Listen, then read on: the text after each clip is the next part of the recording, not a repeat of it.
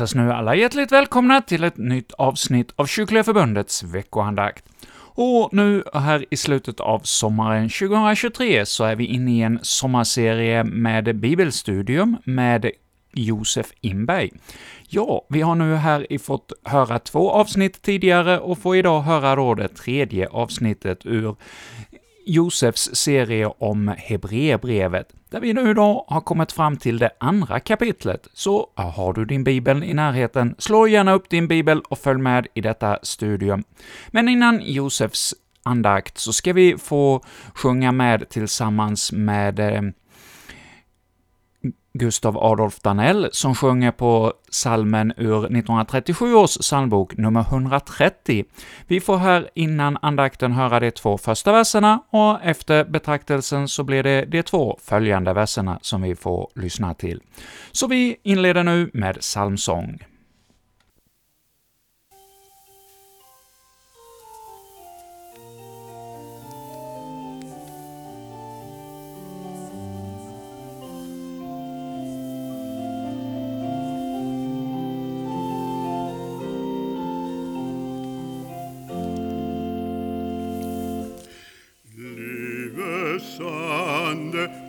Kom från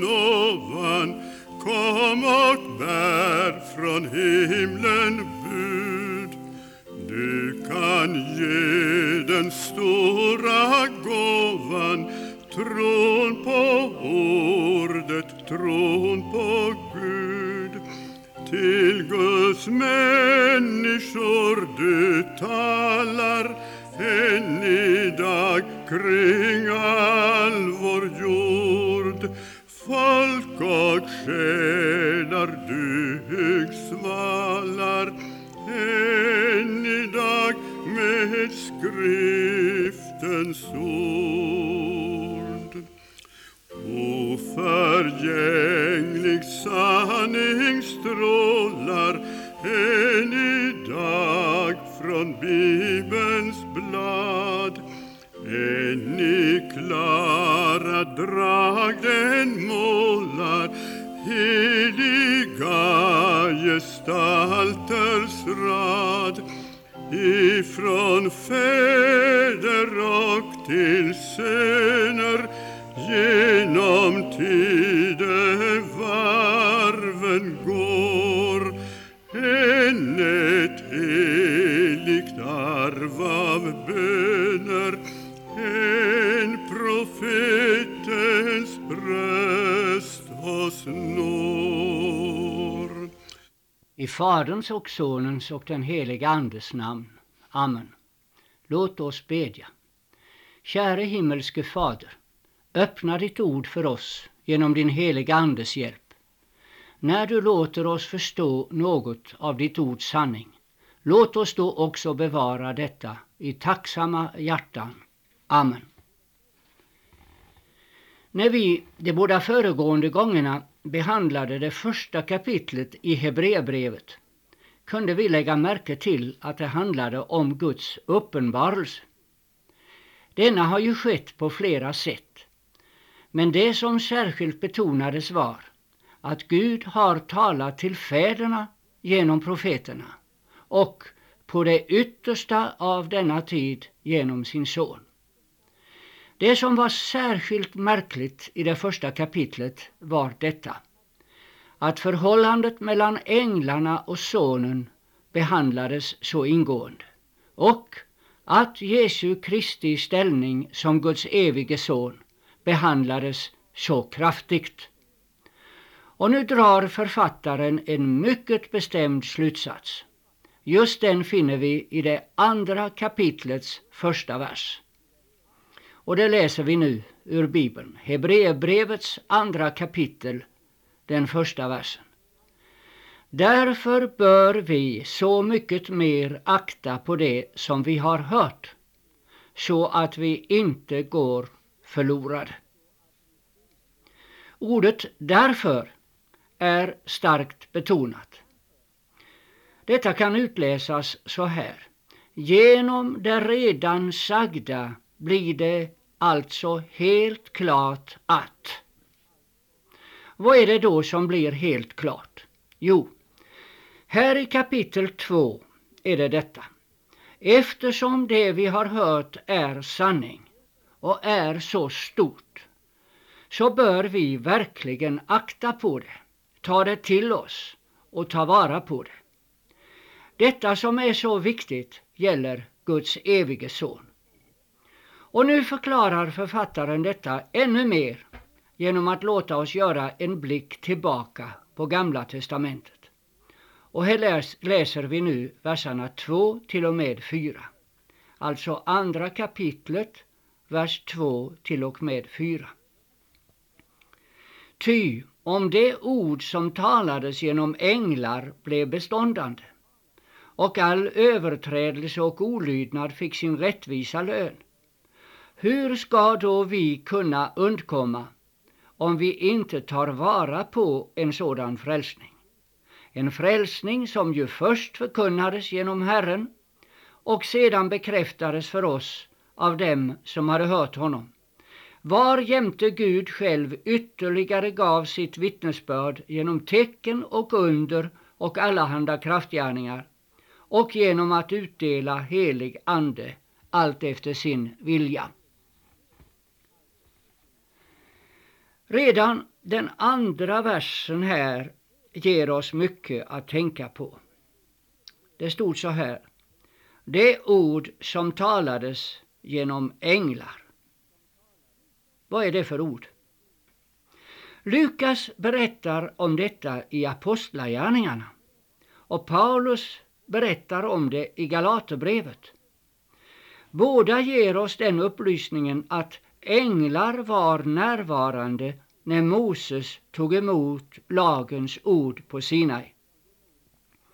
Stefanus säger i Apostlagärningarna Ni som fick lagen eder given genom änglars försorg. Och Paulus skriver den utgavs genom änglar och överlämnades i en medlares hand.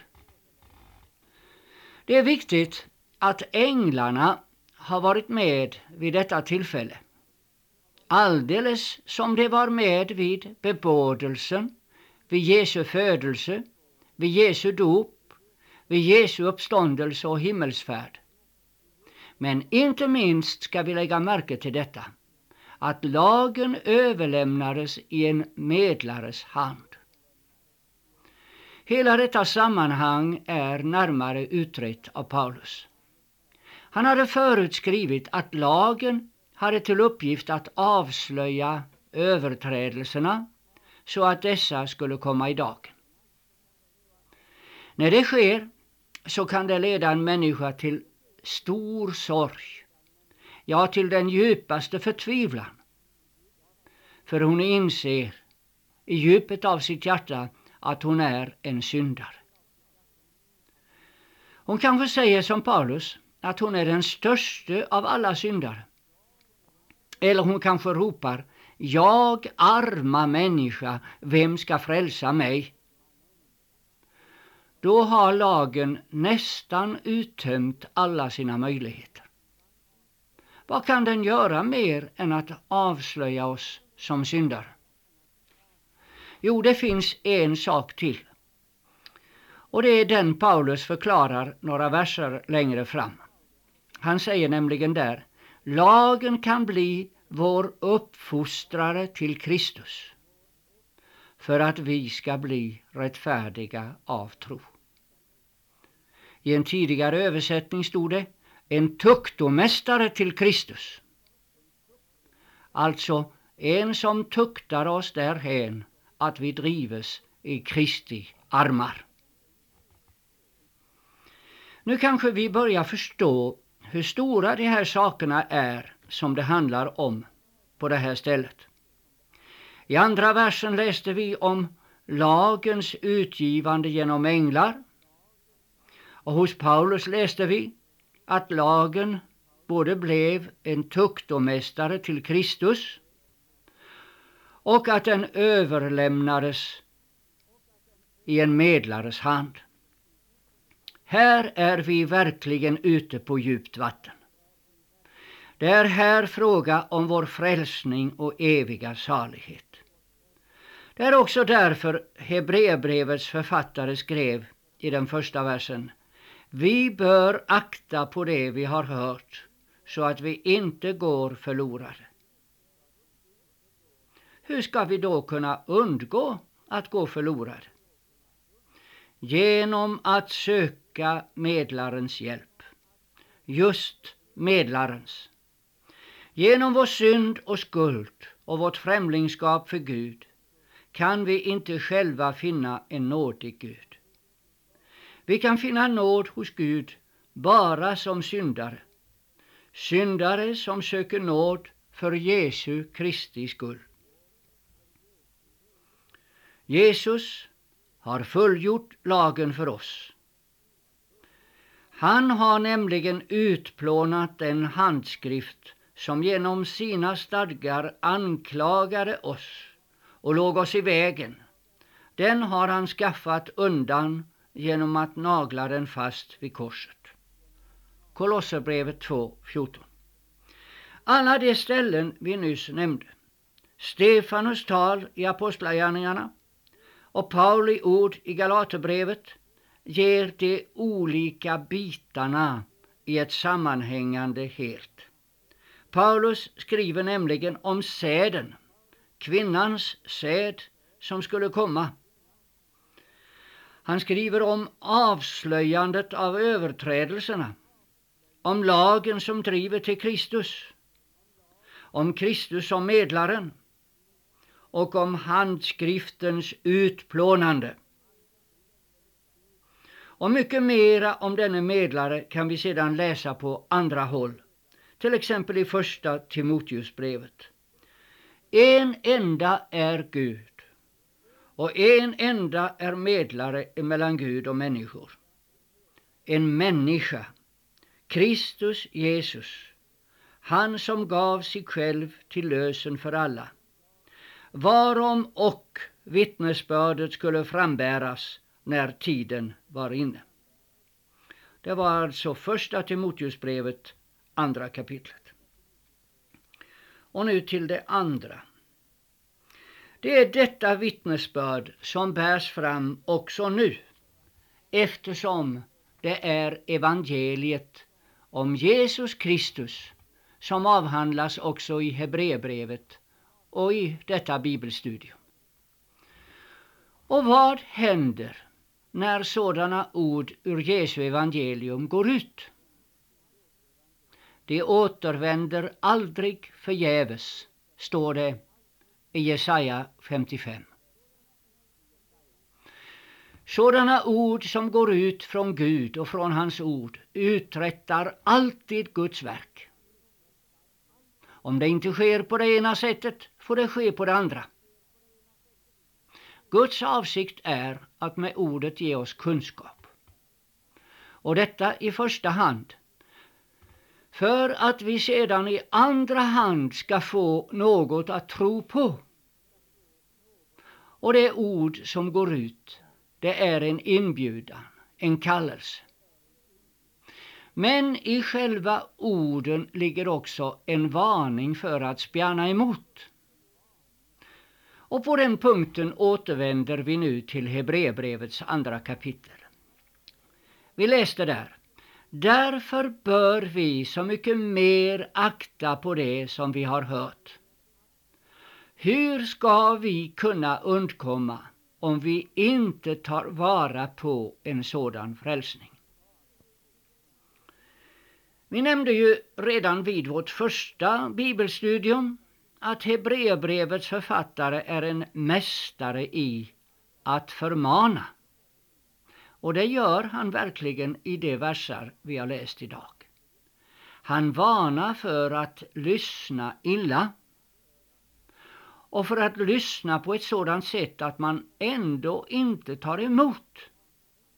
Och ännu mera varnar han för förakt av ordet och förakt av de stora gärningar som har visats av Guds stora budbärare. Och detta leder oss nu över till ännu en sak i det textord vi redan har läst. En frälsning som ju först förkunnades genom Herren och sedan bekräftades för oss av dem som hade hört honom. Den helige författaren visar alltså på den slutliga uppenbarelse om Gud som har skett här på vår jord. Det är uppenbarelsen genom Jesus Kristus.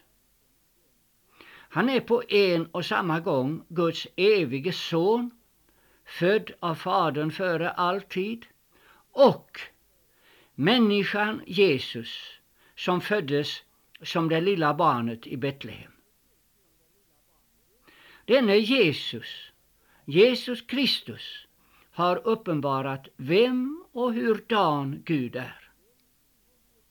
Om hans synliga framträdande just för att uppenbara Gud, skriver evangelisten Markus. Sedan Johannes hade blivit satt i fängelse kom Jesus till Galileen och predikade Guds evangelium och sade Tiden är fullbordad och Guds rike är nära. Gör bättring och tro evangelium. Evangelierna och de andra skrifterna i Nya testamentet berättar så mycket om Jesus och hans verksamhet att vi har bättre och säkrare kännedom om honom än vi har om någon annan under de följande tusen år. Även av den orsaken är det, som författaren här säger, att ett stort ansvar tar man på sig också för sitt eget andliga liv om man stöter ifrån sig ett sådant budskap.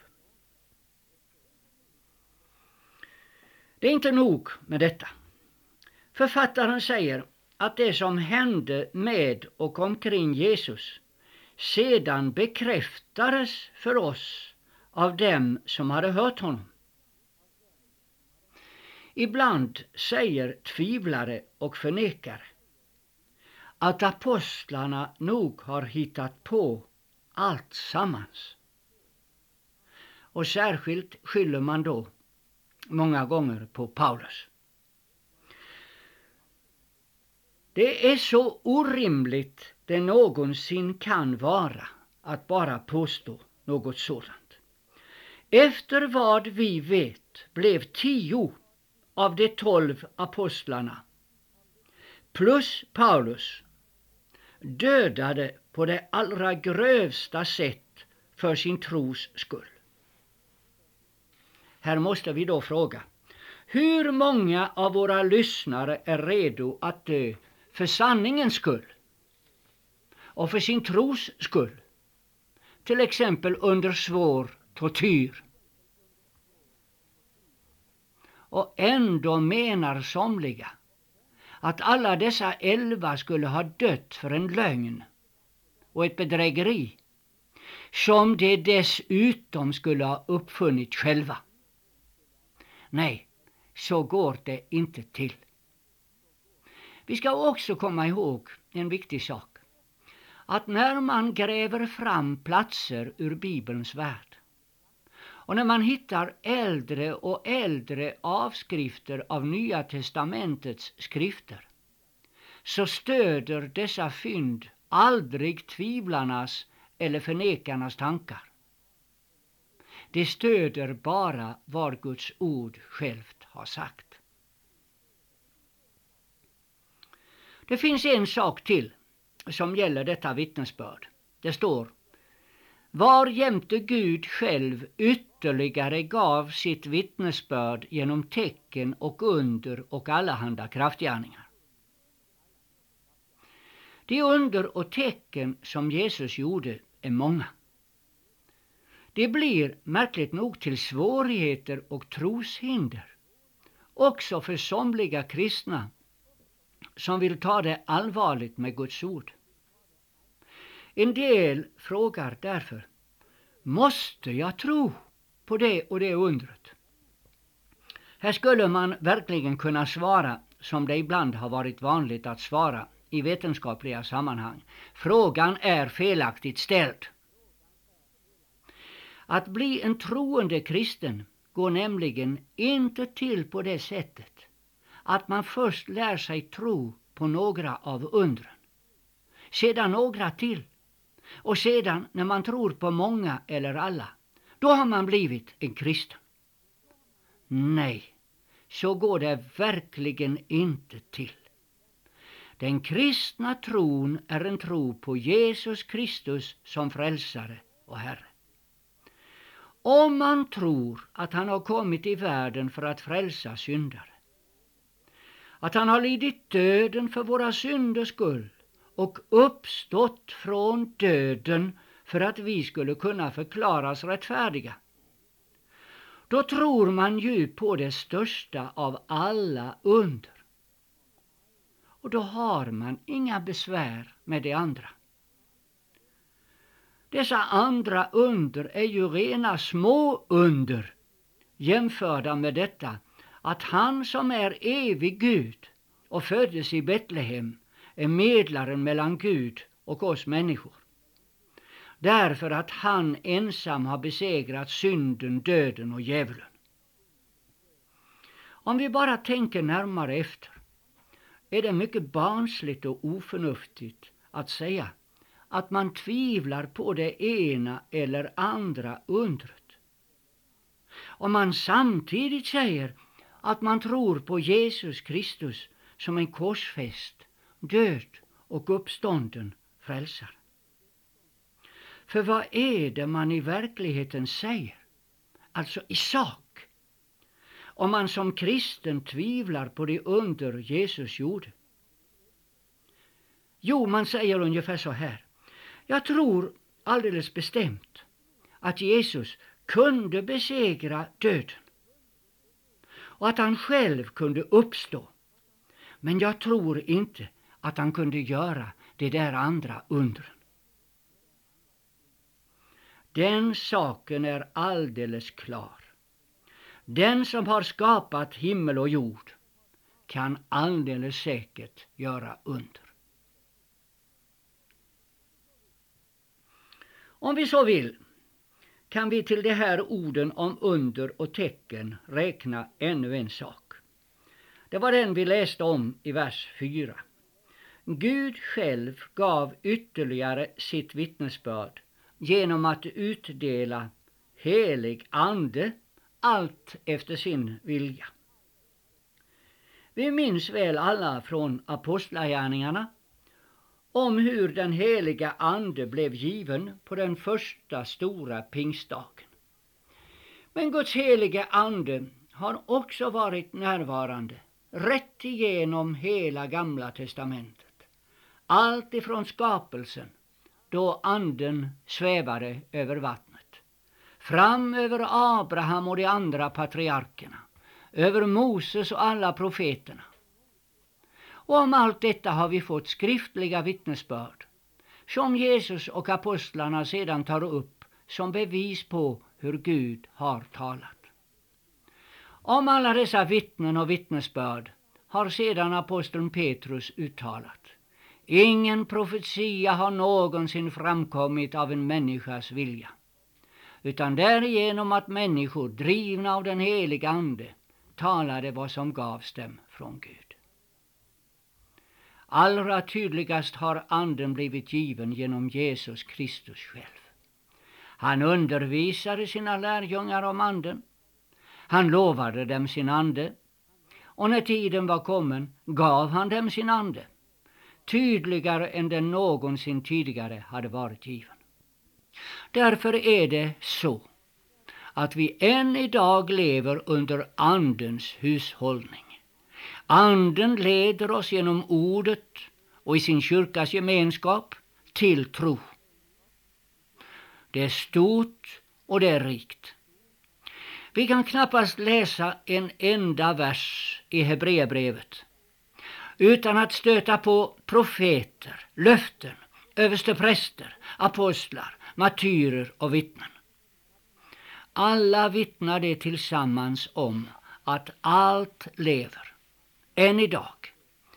Hur skulle vi väl då vara beskaffade om vi vägrade att ta emot dessa vittnesbörd Ja, en sådan frälsning som författaren skriver.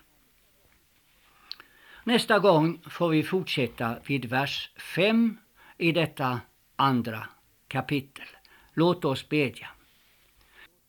O Herre Gud, himmelske Fader, som har låtit din son bli människa, att strida för oss mot synd och död och skänka oss evigt liv.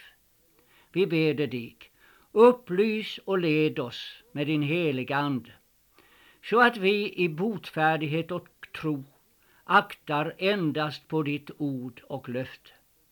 Låt oss inte hemfalla till övermod eller till klenmod och förtvivlan, utan bli funna i skaran av dem som blir evigt saliga.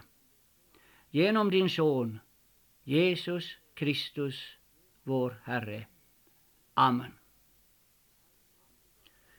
Allsmäktige och barmhärtige Gud, förläna oss nåd att genom ditt ord dagligen tillväxa i din gemenskap, så att vi allt bättre lär känna och tillbedja dig i rätt tro och lydnad och tar oss tillvara för allt som kan skilja oss från dig.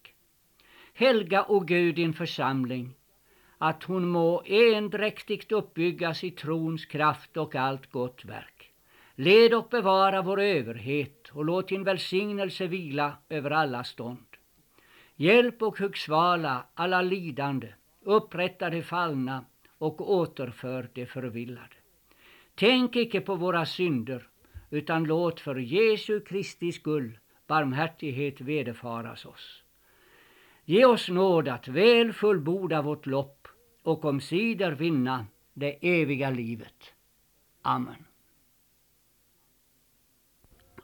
Livets ande, du som danar Kristi kyrka på vår jord. Kraftens ande, du som banar henne väg med Herrens ord. Nådens ande, du som renar själar och i dem vill bo. Fridens ande, du som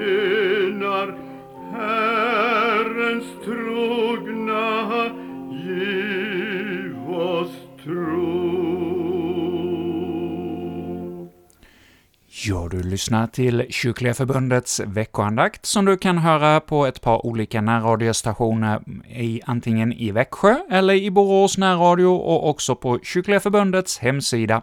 Och på alla andra ställen där man kan hitta poddar, där finns vi också att kunna lyssna till.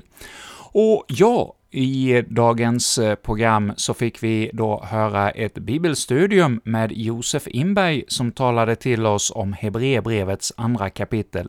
En serie av program som vi nu lyssnar till här denna sommaren.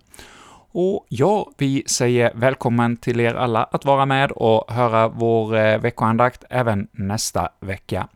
Och ja, det var ju lite speciellt program här med eh, två av eh, Växjötraktens kända pressprofiler från eh, 1900-talet. Gustav Adolf Danell som inramade andakten med att sjunga för oss, och så av, under bibelstudiet fick vi då höra Josef Inberg, som var präst på olika platser runt om i Småland, men också under många år missionär i olika länder i Afrika.